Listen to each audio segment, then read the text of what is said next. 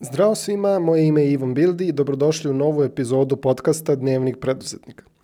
Juče sam bio kod Gorana Jankulovskog u podcastu gde smo pričali upravo o podcastu Dnevnik preduzetnika.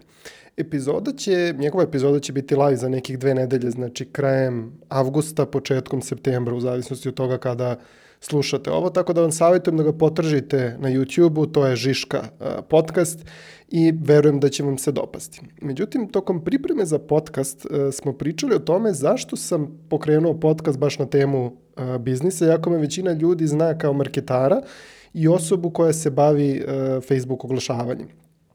I sa njim sam podelio jednu, da nazovem, frustraciju, a, a to je e, tokom držanja edukacija a, i rada sa klijentima sam a, e, prepoznao jednu, jednu stvar koja me je jako, jako mučila. To je da većina njih nema problem sa nužnom marketingom i Facebook oglasom, već ima problem sa samim biznisom.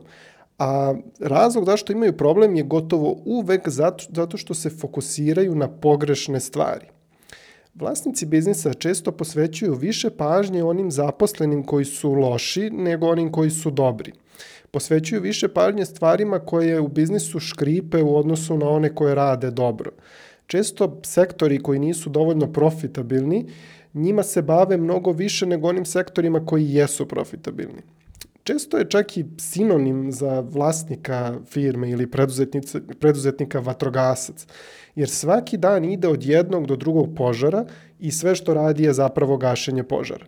Pored toga što se bave gašenjem požara, bave se dnevno operativnim stvarima koji im onemogućavaju da vide e, širu sliku, da vide pravu priliku kada se ona ukaže, da shvate šta to zapravo ne valja u njihovom biznisu, nemaju vremena da se bave strateškim stvarima. Suštinski, oni se bave veslanjem, dok brod u kom veslaju nema kapetana. Kako se fokusirati na ispravne stvari? U ranim stadijumima razvoja biznisa, dok je on još uvek u svom začetku, glavni posao vlasnika je da učini sve da on lično ostane bez posla. E sad, šta to znači? Kad firma tek počinje da radi, normalno je da vlasnik radi sve i svašta, da radi puno dnevno operativnih stvari, ali ovo je zapravo zamka u koju većina malih preduzetnika upadne i nikad iz nje ne izađe. Upravo u ovom stadijumu razvoja, dok obavljamo sve te poslove, preduzetnik treba da počne da radi na kreiranju sistema, procedura, pravila koje će omogućiti da znanja i veštine koje on posjeduje mogu da se prebace na nove zaposlene koji će ga zamenjivati u tim određenim ulogama. Sigurno ste čuli ili ste vi možda jedan od onih preduzetnika koji kažu da je nemoguće naći dobrog zaposlenog. Glavni razlog je što ne postoji proces prenošenja znanja u manjim firmama sa vlasnika na tog novog zaposlenog. Očekuje se da zaposleni samo odjednom dođe i radi isto ili bolje od osobe koja je tu od početka. Kada su se kreirali procesi i procedure i kada je sistem postoji, makar u obrisima, sledeći korak koji preduzetnik mora da uradi je da pronalazi zaposlene i da delegira svoje obaveze na ljude koji su bolji od njega u tim poslovima ne bolji nužno u tom trenutku, već bolji kada se prebaci svo znanje na njih. Zatim, ovaj proces treba ponavljati sve dok vlasnik ne ostane bez operativnog posla u potpunosti. Cilj je napraviti firmu koju dnevno operativno vodi sistem, a ne pojedinac. Ako firma nema ustaljen sistem po kom radi, ona će biti živa samo dok je vlasnik uključen. Čim se on isključi iz bilo kog razloga, firma se urušava i završava svoje postojanje. To može da se desi preko noći, a može da bude i mukotrpan proces koji traje godinama.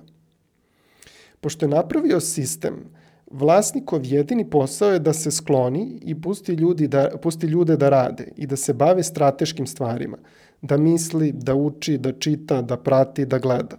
Njegovna, njegova glavna uloga je da definiše kuda se ide i zašto se tamo ide, a njegovi zaposleni treba da se bave time kako doći do tamo.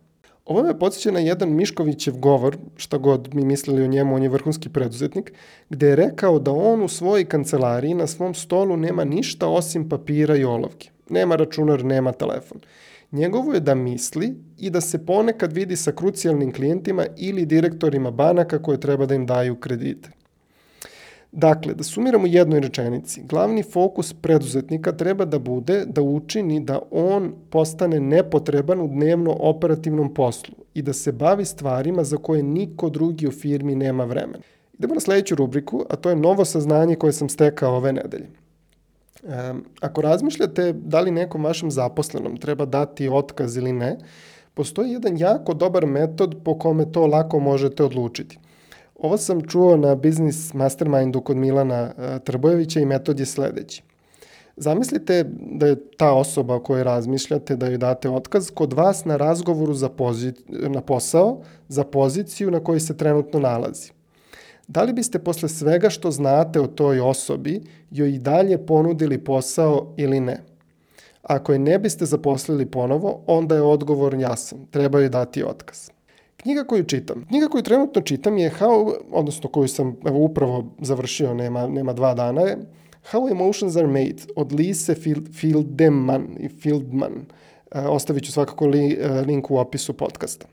Uh, ovo je zaista jedna neverovatna knjiga. Sigurno jedan od favorita za top 5 knjiga koje sam pročitao ove godine. Da se razumemo, ovo nije lagano štivo za plažu, niti self-help knjiga koja će vas E, motivisati par dana ili čiji sadržaj možete naći u još 50 drugih e, knjiga samo različitih autora. E, ovo njeno delo je bazirano na godinama naučnog istraživanja i zapravo celom jednom profesionalnom životu, iako ona nije na samom kraju svog profesionalnog života, ali celom jednom profesionalnom životu posvećenom razumevanju emocija i kako one zapravo nastaju. Ova knjiga nije pisana onim teškim naučnim jezikom, ali nije ni laka za konzumiranje. Traži da se e, vratimo barem još nekoliko puta, ako želimo da je suštinski razumemo. Tih knjiga koje su, iako nisu pisane teškim jezikom, izuzetno su koncerto, koncentrovane sadržajem. Tako i ova knjiga. Ima jako puno sadržaja, gotovo je nemoguće u jednom čitanju je e, razumeti i pokriti sve. To nije roman, to je više neki jako zanimljiv učbenik za učenje. E, šta je zapravo suština sa ovom knjigom? Glavna okosnica knjige je da emocije nisu urođene niti su univerzalne. E, da ne postoji mapa u našem mozgu niti jedno jedino mesto u kom se stvaraju određene emocije. Što je do sada bilo opšte prihvaćeno shvatanje emocije njihovog nastajanja. Ona tvrdi, sa gomilom eksperimentalnih dokaza, znači nije samo tako palo na pamet, e, da emocije pomažu mozgu da predvidi šta će se naredno desiti, bazirano na onome što se dešavalo u prošlosti. Sad verujem da bez šire konteksta ovo možda ne zvuči e, potpuno jasno, ali Lisa ovo naziva teorijom konstruisanih emocija. Emocije nam se ne dešavaju, uh, već su izmišljene od strane nas. Ovo ne znači da emocije ne postoje, već znači da su kreirane, a ne da nam se dešavaju. E, ovde sam izvukao još sedam glavnih mitova kojima se ona bavila a, u knjizi, a to su sledeći. Broj 1. Znači, emocije nisu naučno merljive, već su mentalni koncepti. Emocije, ovo smo pominjali, emocije nisu univerzalne, već se razlikuju od kulture do kulture. Emocije i osjećanja nisu ista stvar. Emocije nisu reakcije, već su predikcije. Emocije nisu usađene u nas, već se konstruišu, mi ih konstruišemo.